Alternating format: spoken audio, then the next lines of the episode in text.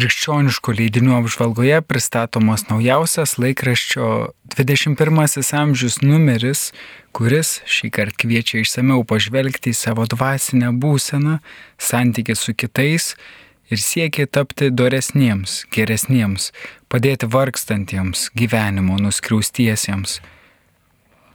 Kiekviename 21 amžiaus numeryje rašantis kuningas Vitenis Vaškelis primena, kad Jėzus pas mus atėjo, jog sulaužytų mūsų gailestingumo ribojimo rėmus ir uždegtų mūsų širdį savoje malonių liepsna, ir mes nebebrieštume ribų, vykdydami jo valią, bei nebevaržytume savęs, darydami gerą dėl jo vardo kitiems.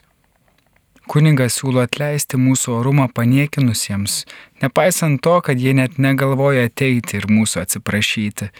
Mūsų vidinis atleidimas jiems ne tik išlaisvins mus iš slegiančių prislėgtumo nuotaikų, bet ir suteiks daugiau šviesos suvokti, jog vienintelis teisingasis žmonių širdžių teisėjas yra visažinis Dievas, nes tik jis turi teisę su visais elgtis taip, kaip jam atrodo tinkamiau mūsų artėjančios amžinybės labui.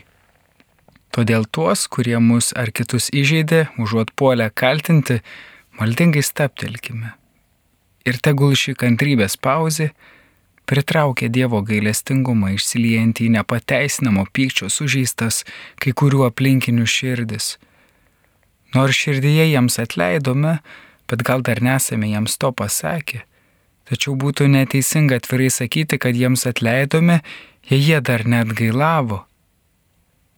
Jėzus moko, jog kai suklydusysis gailisi dėl kalties, atleisk jam Kitame komentare, kurį spausdina laikraštis Katalikas, kuningas Vitenis Vaškelis teigia, kad mūsų norai padėti kitam pamatyti savo klaidas ir siekti, kad jis būtų laimėtas dangui, kyla ne iš mūsų žmogiškųjų sielos resursų. Patys vieni esame bejėgiai. Argi mes galime pakeisti kitos mens vidinės nuostatas, charakterį ir jo likimą be Dievo pagalbos? Ne. Užta daugelis ir murkdosi pavydų, pykčių, neapykantos, keršto bei vieni kitiems netleidimo kūdrose, nes asmeninį teisumą kaip stabą iškelia ant savivalės piedestalo. Kad tikintysis galėtų būti Dievo įrankiu, kurį jis panaudoto aplinkinių grįžimui pas tėvą per Jėzų, Dievo tiesą, turi vis grįžti į save ir vakarui atėjus klausti, kaip elgiausi per praeinančią man padovanotą dieną, kokie buvo mano slaptieji motyvai, o gal veikiau inertiškai leisdamas mane atakuoti pasamoniniams impulsams turintiems praeities šaknyjusių senojo žmogaus silpnybių bei priklausomybių likučių įtakų. 21 amžius praneša, kad Maisto bankas Vilniuje Konstitucijos prospekte atidarė pirmąją Lietuvoje maisto atiduotuvę, kur produktus nepasiturintieji gali rinktis kaip įprastoje parduotuvėje, tačiau čia jie nieko nekainuoja. Atiduotuvės asortimentas sudaro nuo išmetimo maisto banko savanorių išgelbėtas, tačiau žmonėms vartoti dar tinkamas maistas. Planuojama, kad ši atiduotuvė padės pamaitinti virš tūkstančio sunkiau besiverčiančių žmonių per savaitę. Atiduotuvėje prekių pasirinkti galės sunkiau besiverčiantieji, kurių sąrašai sudarnėjami pagal iš anksto savivaldybių pateikiamas rekomendacijas. Kiekvienam žmogui skirtas maistas bus ribojamas. Planuojama iš viso skirti po 5 kg maisto produktų, kuriuos kiekvienas galės rinktis iš duonos, vaisių, daržovių, mėsos, pieno ir kitų kategorijų. Maisto banko vadovas Simonas Gurevičius teigia, kad būtent tokia atiduotuvė unikalus ir alternatyvų neturinti idėja ne tik Lietuvoje, bet ir visoje Europoje. Kiekvienas žmogus norėtų maistą pasirinkti pats, jausdamasis kaip įprastoje parduotuvėje, o nelaukti maisto davinių eilėse prie sandėlių. Šiais laikais vis dar gajus metai, kad parama aktuali tik priklausomybių turintiems žmonėms ar tinginiams Tačiau maisto bankas mato visai kitokią realybę. Maisto pasiimti ateina mažas pajamas gaunantis dirbantieji, daug neįgaliųjų, seniorų, vienišų ar kelis vaikus auginančių mamų.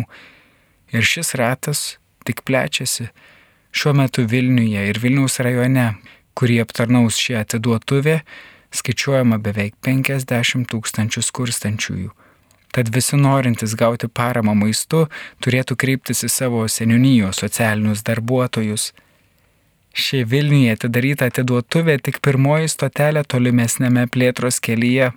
Maisto bankas per šiuos metus planuoja atidaryti dar keliolika atiduotuvių kituose Lietuvos miestuose - Kaune, Radviliškyje, Marijampolėje, Utenoje, Vilkaviškyje, Telšiuose, Akmenėje, Jurbarke, Elektrėnuose, Alituje ir galbūt dar kitur.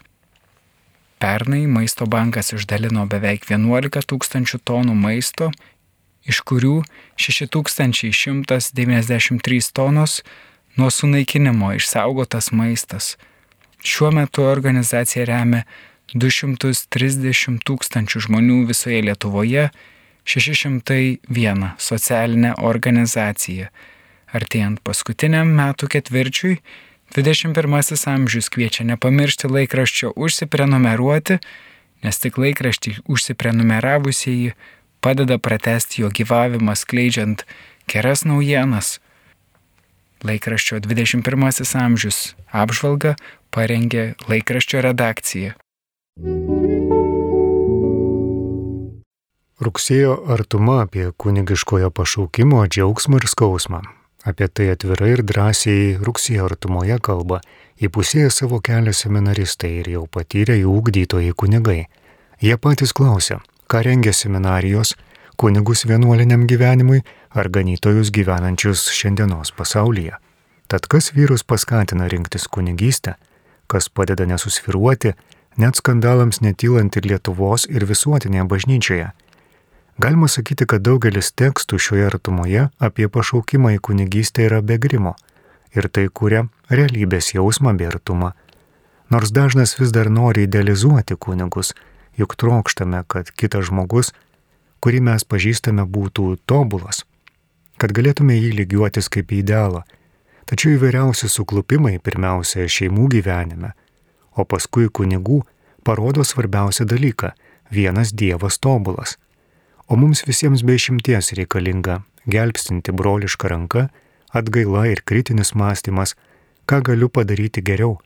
To reikia šeimoms - neužglaistyti problemų ir kreiptis pagalbos, kol jos dar nedidelis, to paties reikia ir dvasininkams. Taigi susipažinkite, kaip šiandien klerikai ir kunigai mato savo pašaukimą ir jo ūkdymą o jie kaip susitarę dalyjasi, kad pagrindinė priežastis atvedusi juos į seminariją įkvepiantis kunigų pavyzdys ir asmeninė patirtis bažnyčioje. Ši leido pastebėti savo įpašaukimą, kurį ne kiekvienas priemi kaip labai aišku. Studijos seminarijoje padeda atsiskleisti, aukti, bręsti tačiau ir apriboja.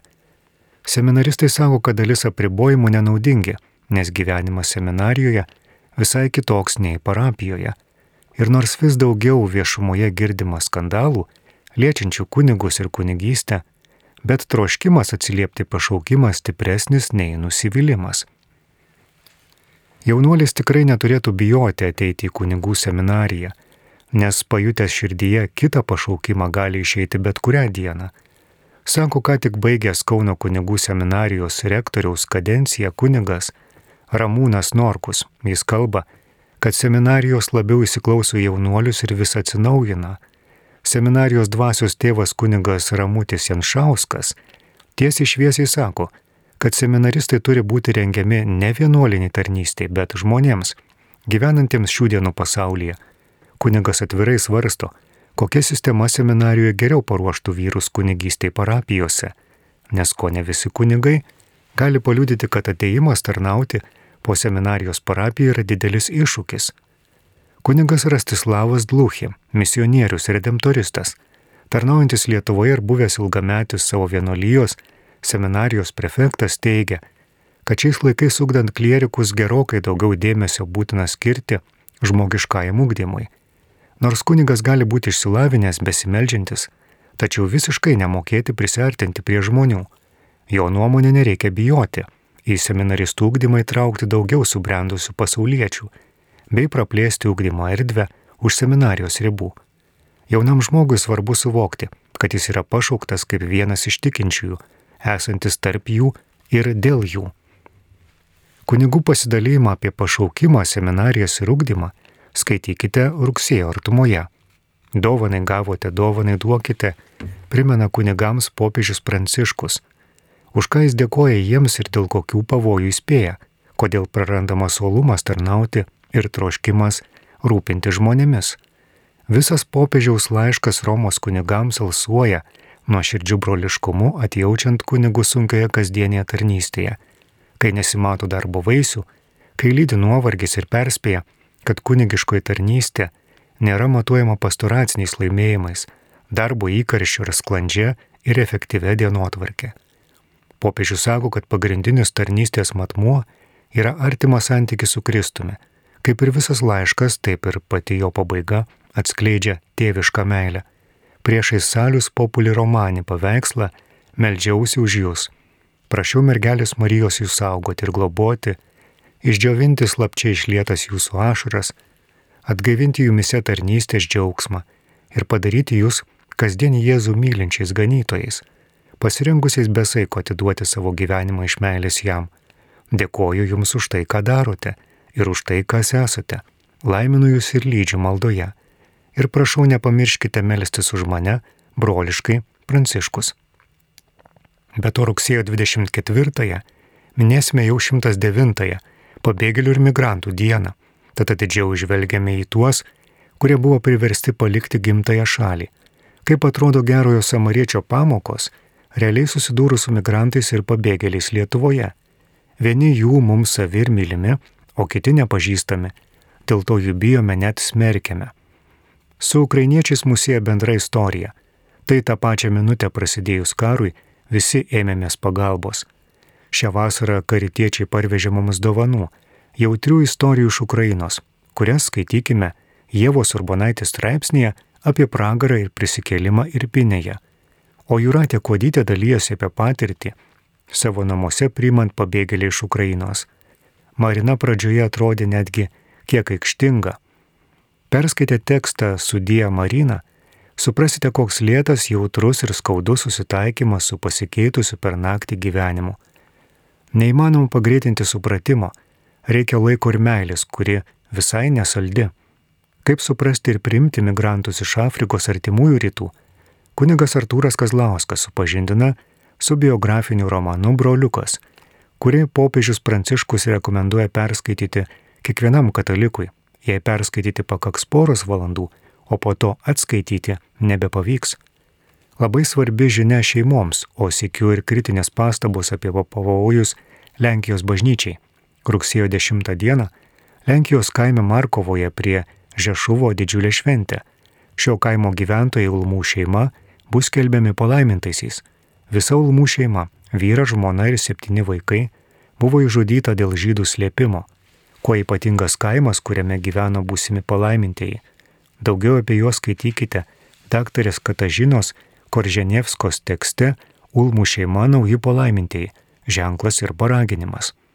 Rugsėjo artumos vienu įpū tikrai neperskaitysite, nesi pilna suartinančių nuo širdžių tekstų, kuriuose slypi klausimai kiekvienam skaitančiam, o kaip tu girdi Dievo pašaukimą. Apžvalga parengė žurnalo artumo redakcija Violeta Vitkauskinė, perskaitė Andrius Sakalauskas.